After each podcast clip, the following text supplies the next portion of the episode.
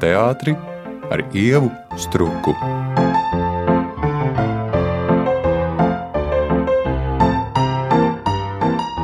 Šodien raidījumā Šņurbēniņu man ir tā iespēja un prieks eh, satikties ar režisoru Walteru Sīli. Sveiks, Walter! Sveiki! Tu esi no tiem režisoriem, kam pagājušais gads un eh, šī sezona ir bijuši piepildīti ar ļoti, ļoti daudz darbiem. Un, uh, daļa no darbiem ir savus skatītājus satikuši, bet nu, daļa nav. Bet strādājot, tas tiešām tā bez pārtraukuma. Vismaz man šobrīd liekas, ka tiešām no maniem sarunu biedriem pat varbūt visvairāk. Bet uh, pagājušais gads tev bija nozīmīgs arī ar to, ka tu saņēmi spēļu naktas balvu kā gada režisors. Un uh, tai ceremonijā, kas notika mazliet tukšajā Nacionālā teātris zālē, un Liepājas teātrī, un Almīras teātrī, un visos citos teātros, bet nu, mēs atradāmies abi ar tevi mm. Nacionālajā teātrī. Tu no skatuves teici paldies savai pedagoģei Mārai Čimelei. Un ņemot vērā, ka Māra nemaz ne tik sen bija mana viesņa arī šņurbēniņos, tad man ir mazliet, nu, nezinu, vai tas ir proaktīvs jautājums, bet uh, jautājums, vai tu pats vari definēt, kas tevi vieno ar tavu pedagoģiju, jo no malas, principā no malas šķiet, ka tādu tiešu radniecību starp to, ko un kā Māra ir darījusi mākslā un ko dari tu, nemaz tā viegli ieraudzīt nevar. Bet ko tu pats teiktu? Pirms es dalos ar savu versiju. Es uh, Grūti teikt, man liekas, ka Māras arī tīri radošā darbība ir ļoti, ļoti plaša.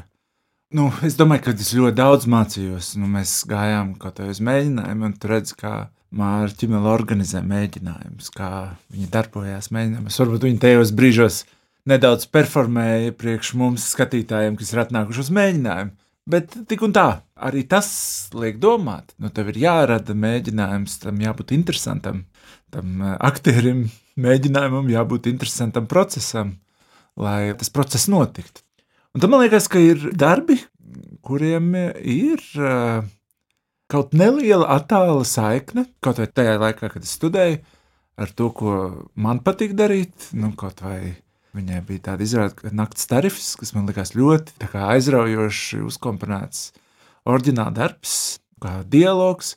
Man arī tajā brīdī tas likās tāds interesants kā darboties.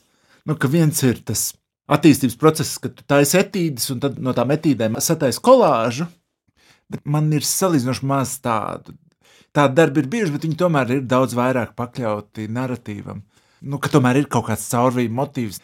Kaut, protams, kad ir etīžu darbs, tad dramaturgs tiešām uzraksta pilnu ainu, nevis mēs atrādām etīdes. Un uh, nakts tarifs, kas ir kā viena dramatiska aina starp diviem aktieriem, oriģināli veidot, uh, Un man ļoti iedarbojās šis stāsts ar savu neviennozīmību par priesteri, kurš noalgo prostitūtu, lai viņa negrēkot. Un tad, nu, uzdodot neviennozīmīgus jautājumus, tas izrādās, laikā tas ir tāds darbs, kurš man liekas ļoti radniecīgs tam, ko es, piemēram, daru. Tā kā jā, tā bija vienkārši mācīšanās, un nu, mums ir tā laime, ka mums tas kontakts ir saglabājies, un, un vienmēr ir prieks, ka viņš ir saglabājies. Droši vien jāpasaka priekšā, ka runa ir par nakts tarifu jaunajā Rīgas teātrī, Jā. kas par notiņu un baidu broku. Un Jā. faktiski, klausoties tevī, tieši arī atcerējos, ka gan šīs izrādes tādu vizuālo veidolu, gan arī to, ka tur ir patiesībā Tobrīd varbūt es neaizdomājos, bet gana daudz paralēls ar vienu no pirmajām māras izrādēm ar Moēmu lietu, tiešām par priesteri un prostitūtu. Jā, tā Jā. kā tas man tāpat nebija toreiz varbūt tiešām viesprātā. Bet man atbilde ir daudz vienkāršāka, bet man ir sava atbilde par to, vai un kas tev vieno ar tavu skolotāju, proti tāda dabiska, organiska un neviltot interesi par latviešu stāstiem, ja par vietējiem, lokāliem stāstiem un uh, cilvēkiem, jo, nu, Māra, jā, visos laikos ir bijis cilvēks, kas vēl bez tam, ka diezgan daudz un aktīvi ir studējusi lielo pasaules jā. klasiku, viņa tomēr nekad arī nav baidījusies ne no latviešu klasikas, ne arī no jaunākās latviešu dramaturgijas. Un ir daudziem autoriem jauniem pavērs ceļu. Un patiesībā es gribētu teikt, ka no tavas paudzes režisoriem tu visaktīvāk to tomēr dari. Jā, nu tā ir, man liekas, kaut kāda arī savas nišas meklēšana. Nu, kā, tas vienmēr likās arī interesanti. Un, un, protams, nodzīvojot četrus gadus, mācoties no situācijas, kur tu ļoti maz zini par praktisko darbu. Un, Un, protams, ir daudzi kaut vai funkcionāli pamatprincipi, kuri tev ir kā, kodā. kur tu zini, ka hmm, šī aina nestrādā. Noliekam eh, vienu aktieru vienā galā, otru otrā, lai runā, un būs jau interesantāk. Un, ir, un dažreiz tu atkāpies no šī gājiena un atrod tomēr savu. Bet kā ir tie tehniskie risinājumi, kurus tu kā zini, hmm, te ir problēma. un to viņas izmanto, un, un viņi ir, un es arī neslēpju, tad, nu, tad man liekas, šeit jālieto. Glābšanas tehnika. Noliekam galā un skatāmies, kā pingpongs darbojas vai darbojas. Un, uh, tad skatāmies tālāk, kas jādara. Bet, uh, es domāju, tur ir ļoti, ļoti daudz. Nu, mums visiem ir, uh, kas mēs pie viņas mācījāmies, tu dažreiz. Uh, Pat negribot dzirdēt, ah, es šo esmu kaut kur dzirdējis no tevis, par kursabiedriem runājot, ka mēs, nu, tā tas ir. Jā.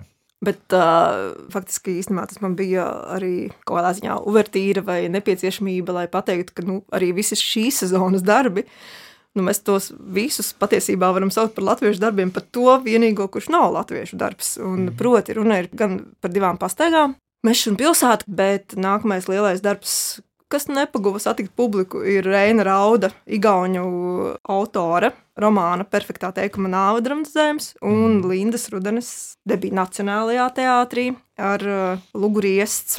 Un nulle pati jaunākā ir Dertī Dīla teātrā tapusi uh, klausām izrāde Noklausies. Mm. Par iestu arī parunāsim mazliet vēlāk, bet vispirms es gribu sākt ar tām divām, kurām ir viens ļoti būtisks, kopīgs un uh, riskants tā varētu teikt, motīvs Valsts drošības komiteja un 80. gadu izskaņa.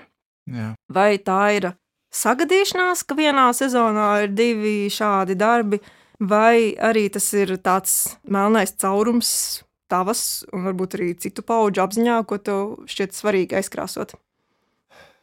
Jā, man liekas, tas nedaudz sanāca netīšām, ne tā ļoti programmatiski. Kaut kādā mirklī, jā, es sapratu, kādus aspektus katrā situācijā es šajos darbos skatīšos. Un, un tā viena sajūta arī, kad nu, nāca šie dokumenti, runājot ar tās paudzes cilvēkiem, kam bija tajā brīdī 30, 20. Nu, mēs ļoti daudz runājam par cilvēkiem, kuru kartiņas atradās. Un tad uh, mēs dzirdējām viņu versijas par to, kā viņas tur nokļuvušas. Bet ir ļoti grūti uzzināt tos uh, upurus, un dažreiz varbūt tie ir kāds zaudēts darbs, kāda zaudēta iespēja. Dažreiz varbūt tie nebija tik dramatiski upuri, kādi tie ir bijuši dažus desmit gadus iepriekš. Bet tādu upuri arī vēl 80. gados bija. Un tādēļ man likās ļoti nu, svarīgi Reina Rauda romānā tieši pirms Padomju Savienības sabrukuma, kā vēl varēja paspēt šī sistēma kaut ko iznīcināt. Pat ja tas ir mīlestības stāsts iznīcināt un iznīcināt vēl, iznīcināt dzīves, iznīcināt uh, raksturus cilvēku, sagraut cilvēkus iekšēji. Un to Reins Rauds savā romānā ļoti izklaidējošā, gan arī žanrā, atklāja ļoti tādā spriegā trillera ar filmu nodošanu, informācijas nogādāšanu ārvalstīm formātā. Par Reina Raudu romānu es ilgi domāju, mēs pie viņa nonācām. Vienkārši jā, tā likās tēma, kas ir svarīga. Un eh, savukārt noklausies bija pandēmijas situācijā, domājot, kur vēl teātris eksistē. Radioteātri mēs uzskatām par teātri. Un tad es domāju to formātu, kurā tiešām ir loģiski, ka tas ir eh, radioteātris. Nu, mums nav jātaisa ainavas, bet ir tikai tas izteiksmes veids mūsu dzīvē arī. Un tā es nokļuvu pie telefona sarunām, kaut kā domājot, kas tā pa telefona sarunu tur tā centrālā varētu būt. Pirmais sižets bija izveidojies, un kas arī ir saglabājies Ingas tropas līnijā, ko spēlē Inga tropa.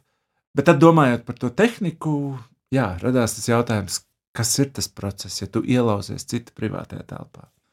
Un tad savā ziņā domājot par uh, tieši to atsvešinājumu, kādu mēs varam izjust, ja mums tikai iedod tehniku, iedod uzdevumu un iedod iespējas izdarīt kaut kādus ierobežotu skaitu lēmumu, nu, būtībā balstot uz psiholoģijas eksperimentiem, veidot arī šo teātru darbu. Un uzdot šos jautājumus, jā, kā mēs uz to reaģējam. Un tiešām domāt par to, ka es jau neko neizdarīju. Es jau neko tādu neizdarīju. Nu, man liekas, ka ir ļoti arī svarīgi saprast, jā, ka nokļūt gan upura, gan varmākas pusē šajā sistēmā ir gana viegli. Un uh, sevi noturēt, izglābt no vienas vai otras situācijas ir. Uh, nu, varbūt tas arī prasa dzīvot ļoti pelēkā zonā, bet tikko kā tu gribi kaut ko darīt, jā, tu vari nokļūt vienā vai otrā pusē. Un, uh, un tad, jā, kas tad ir mūsu attaisnošanas procesā? Nu, es tā izdarīju, vai nu, man jau tikai lika. Nu, par to domājot, arī tapa jā, savā ziņā no diviem skatu punktiem strādājot, radās šie divi darbi. Un likās, ka jā, ir viens aspekts, ko es gribēju izstāstīt ar to, bet es jau zināju, ka šis darbs taps pēc tam, un zināju, kur vedīs noklausies. Jā. Jāpiemina, ka atšķirībā no perfektā teikuma nāves, kas šobrīd skatītājiem nav pieejama, noklausies jebkurš klausītājs tā tad var atvērt eh, teātra mājaslapu un to noklausīties. Jā. Un tad uh, tas mans komentārs, ņemot vērā, ka to pirms pāris dienām izdarīju, ir, ka izrādē, manuprāt, ir ārkārtīgi veiksmīgs nosaukums. Tad faktiski man arī tāds starpjautājums, vai tas piedzima uzreiz, un tad es turpināšu. Jā. Jā? Nē, man liekas, ka man pat bija sākumā klausies, jo tā ideja arī tapusi sadarbībā ar pat ideju. Pēc tam mm. tas ir rakstīts kopā ar Jānu Kroni, bet ideja, man liekas, bija par telefonu izrādi, bija Annai, eh, Sīlai ideja. Un tad es sāku domāt, kā tas varētu darboties. Un viņi sākumā bija pat domāti tiešā kā telefona līnijā, un, bet tad mēs sapratām visus tehniskos ierobežojumus un atrast citu interaktīvu veidu, kā tam darboties. Un nonācām pie datorspēles eh, formāta.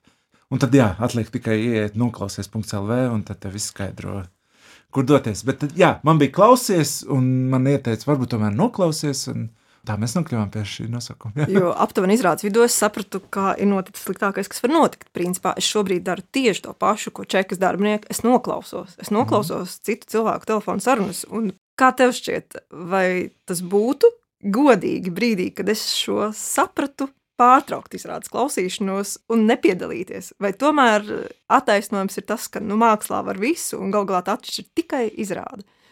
Jā, man liekas, tā ir brīva izvēle. Protams, es ieteiktu tomēr šo izrādi piedzīvot. Man liekas, ka tieši tas jau tajā mākslā ir, ka mēs varam sev pārbaudīt. Labi, es uzņemos uz mirkli šo lomu. Kā tas ir uzņemties šo lomu? Ko es par sevi varu atklāt? Vai man turpina interesēt? Vai tas ir aizraujošs darbs, vai man patīk šāds darbs? Vai es varētu katru nakti nākt un strādāt šādu darbu?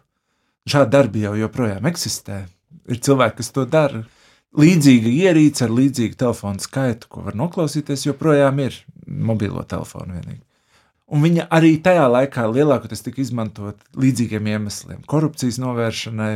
Tas bija pamat uzdevums ķert uh, lielas finanšu mahinācijas, kas notika Padomju Savienībā tajā laikā.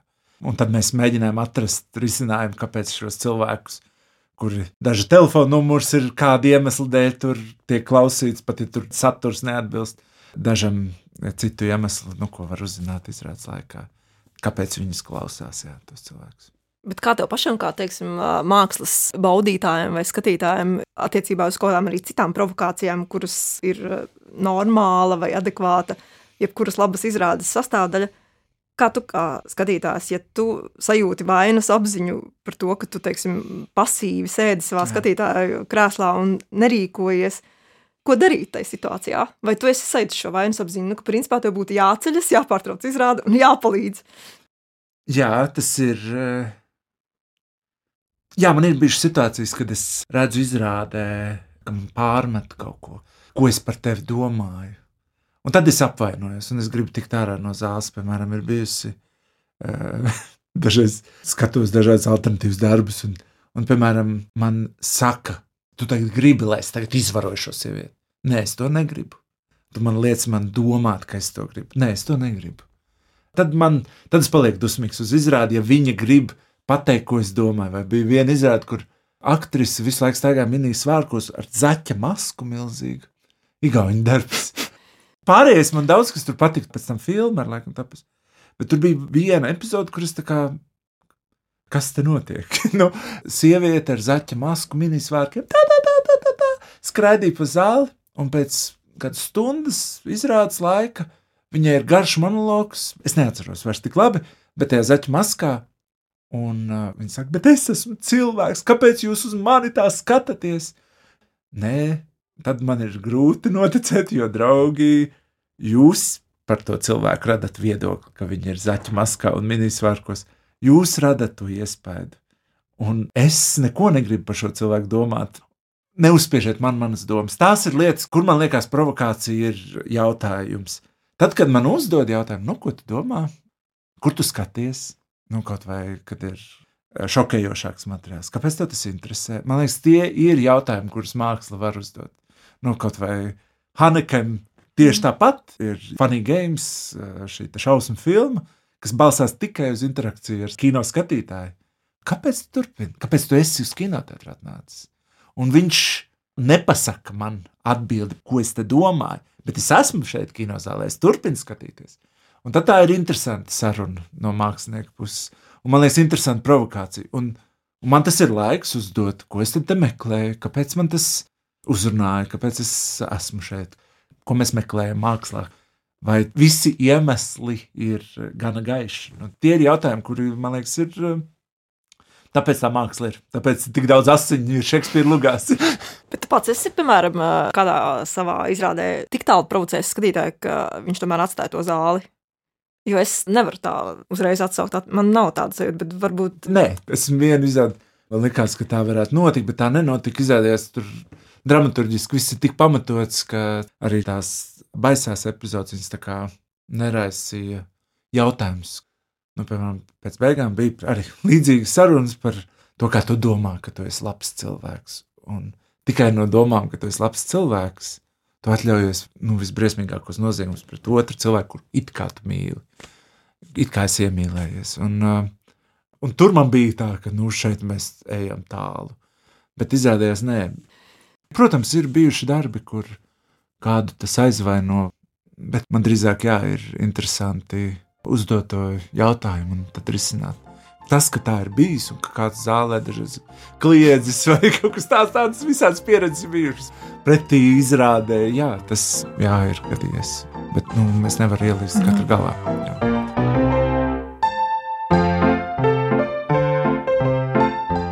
Šņurvēniņi.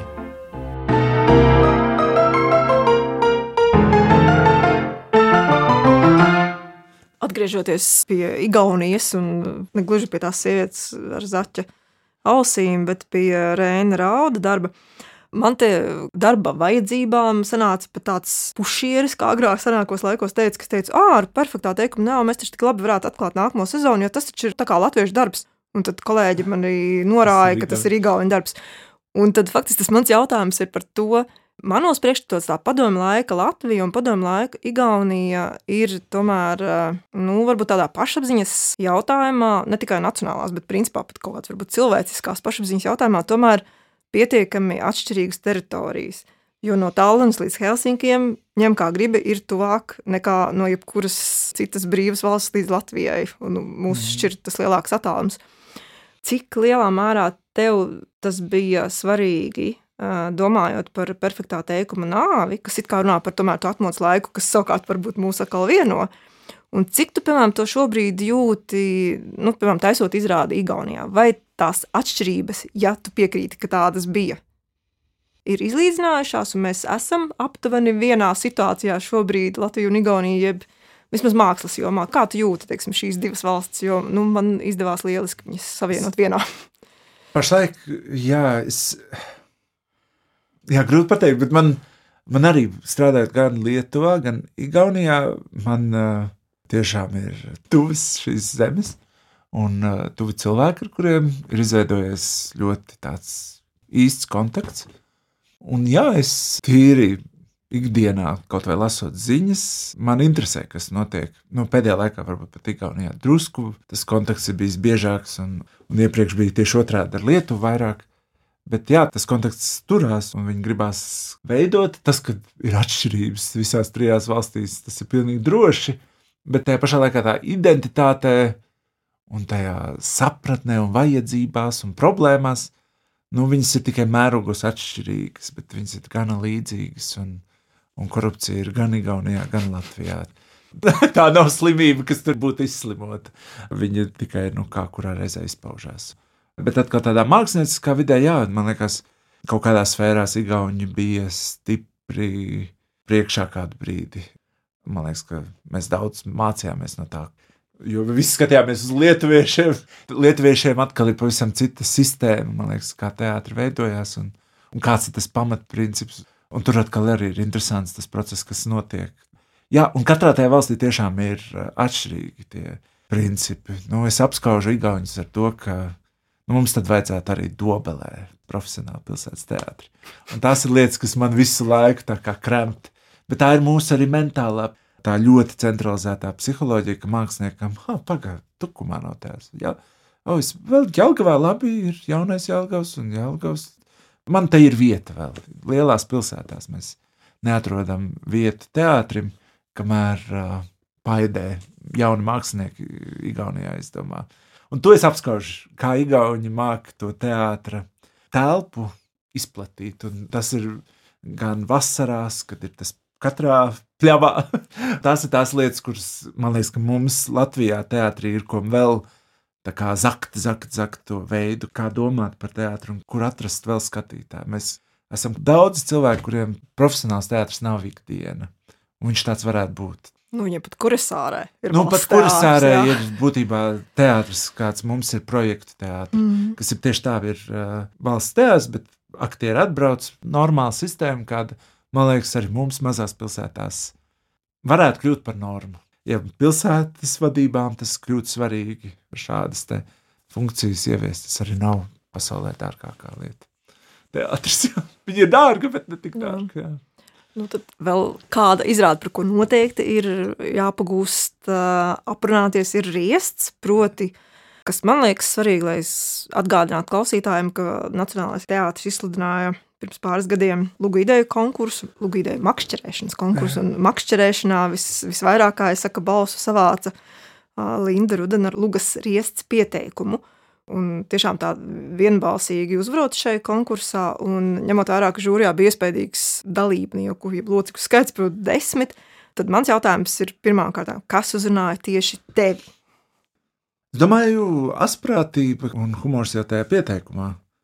Un savā ziņā nedaudz arī strādājot dokumentāla teātra tehnikā, ka tam ir tā dokumentālā forma, kurā tiek dokumentētas jā, vienkārši cilvēku satikšanās un iemīlēšanās, ja tās pat ir nezinu, pusstundu garas iemīlēšanās. Tad šī te tehnika man likās, ah, man iespējams arī bija vajadzīga pēc kaut kā vieglāka dzīvē. un, un man liekas, ka visiem bija sajūta, jā, tas ir materiāls, kas, jo tas princips kāds bija arī, un tāds bija arī pret vairākiem darbiem, un vai es būtu gatavs šo ideju strādāt. Nevis vai tā ir laba ideja, vai tā ir vērtīga ideja. Nē, vai es ar to strādāšu, vai es varu uzņemties atbildību par šo ideju, ka es esmu gatavs ar viņu strādāt.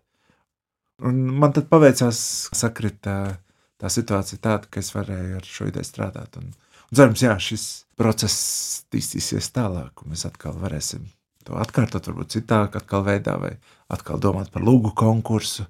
Jā, tie ir jautājumi, kuri noteikti ir uh, mums jārisina. Jā. Kaut arī šai izrādē ir ļoti nu, saka, skaidrs nosaukums, jo ir diezgan Jā. skaidrs, ko nozīmē riests. Kas ir tie gadījumi, kad tev kā māksliniekam šķiet interesanti runāt par attiecību veidošanos, jo tomēr, nu, pārskatot to tavu veidoto izrāžu klāstu, tomēr skaidrs, ka tu atrodi it kā visās tajās tēmās drīzāk kaut kādu tādu vai samilzušu ikdienas vai sociālo problēmu, bet uh, attiecību stāsti tur ir viens no komponentiem vai elementiem. Un kas ir jā. tie brīži, kad gribas tomēr par tām attiecībām runāt mākslā? Nu jā, es, man bija tas, ka man bija pat jāatvainojas aktieriem, ka es kaut ko šādu neesmu darījis ļoti sen. Varbūt man otrā izrāda detīdīlā ienāks uz kafiju, bija kaut kas par vienkāršām attiecībām. Un tad pēdējais, kur ir bijuši skūpi, nu, nedaudz ir perfektā teikumā, jā, tur ir daudz mīlestības un iemīlēšanās bet katrai tai darbībai bija tikai šausminošs raksturs, tikai varmācīgs raksturs. Un tev tagad jāpieķerās pie šīm trauslajām lietām. Bet jā, man liekas, tas jaukais, kas bija šeit, ko Linda iedvesmojoties no tā, kā mēs aprakstām zvēriņus, tā aprakstīt cilvēku darbībās, ka tur vienmēr ir kaut kādi bioloģiski iemācīti impulsi, kurus mēs veicam, fizioloģiskas darbības, kas mūsos notiek. Un tieši tas bija, ka man liekas, Igors Šelagovskis lasa to eksemplāru. Tā, man teikt, jābūt ļoti uzmanīgam, kā es nolieku rokas, kā es elpoju, jo liekas, ka te visi ir baigie eksperti un atpazīst katru mīmikas kustību.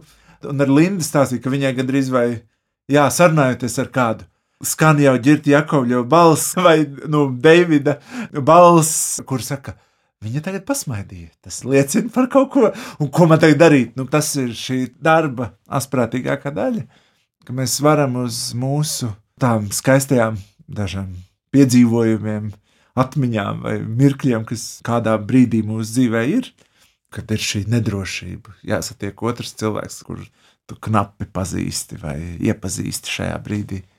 Jā, ka tas uz to var paskatīties ar distanci. Un šī distancētība bija kaut kas ļoti interesants. Tajā darbā. Nu, tāpēc arī kaut kā nonāca pie manis šis materiāls, un kāpēc mēs arī tieši jā, jā šī ideja ir laba, Linda. Jā. Noslēgumā es tev gribu pajautāt, ko es agrāk savās intervijās nebiju uzdevis, bet nu, jau man liekas, šī ir trešā reize, kas tiešām mani sapratu, tas ārkārtīgi patiesībā būtisks jautājums. Ko tu pats no savām izrādēm mācījies kā cilvēks? Kas paliek pāri, ka tu divus mēnešus esi vai trīs vai četrus pavadījis ar kādu vienu konkrētu tēmu, un, teiksim, tavā gadījumā tās tiešām ir principā ļoti sarežģītas un ļoti atšķirīgas tēmas savstarpēji? Nu, es ceru, ka es kaut ko esmu uzzinājis tajā laikā. Vienu brīdi tiešām man tā bija tā kā es eju jaunā teritorijā, nezināmā laukā, un, un tā ir skola kaut ko uzzināt par viņu dažreiz nezinu par mūziku tajā laikā, vai dažreiz tu zini kaut kādus aspektus, jau tev viņi ir iepazīti, bet tad tu gribi iepazīt uh, citu sadaļu. Un tas man liekas, ir uh, svarīgi. Un, uh, man liekas, jā, tā ir tāda organizēta arī forma, kādā nu, jā, radīt uh, kopā būt ar cilvēkiem. Un man, man tas arī šajā pandēmijas laikā, jā, Kaut vai mēs ar Jānu Kroni ejam cauri tam, un tad daudzās šaubās un jautājumos. Un, un tad uh, atnāk Inga, atnāk Ivars Krasts, atnāk Ivars Kavinskis, Arturs Kruskops. Un tad nu, mums ir liels sastāvs, kas spēlē, un pēkšņi jā, viņi iedod balsi tam, ar ko tu strādāsi. Un tu saproti, ka jā, tas ir tas, pēc kā tu augsti. Kaut kādā brīdī, jā, nu, man sanāk, tiešām tas process, process. Man liekas, tā ir koķetēšana, kad kāds saka, es to daru procesa dēļ. Un tā arī ir. Jo, ja tu saki, es to daru procesa dēļ, un tu redz, ka tas rezultāts nav bijis labs, nu, nē, neviens tavam procesam neusticās. Un tu dažreiz arī jūti, oh, nu, kā tas var būt smags process, bet viņam ir uh, pie kaut kā jānovad, jāatrod, ah, es te kaut ko atklāju. Ah, tas tomēr var tā strādāt, kā bija domājis. Nu, gribās kaut ko atklāt. Un dažreiz tas ir eh, tīri informācijas ziņā, dažreiz tehnikas ziņā. Un, eh, un tad paliek ļoti jocīgi, ja tu neatrodi veidu, ka tu jūti, ka tu ej pa ierastu taciņu. Un, un tad kā aizbēgt no tās sajūtas. Tas ir eh, tas, ko katru reizi es meklēju, cenšos vismaz. Nu, jā. Dažreiz tā liekas, ah, vai tik neiekāp, kur te būs interesantais, jā. kur te būs kaut kas jauns. Nu, lai tu to jauno vienmēr izdodas atrast. es ceru. Paldies, ka atnāci uz šņurbēniņiem. Ar jums kopā bija Ieva Struka un mans sarunu biedrs bija Valters Sīlis. Paldies!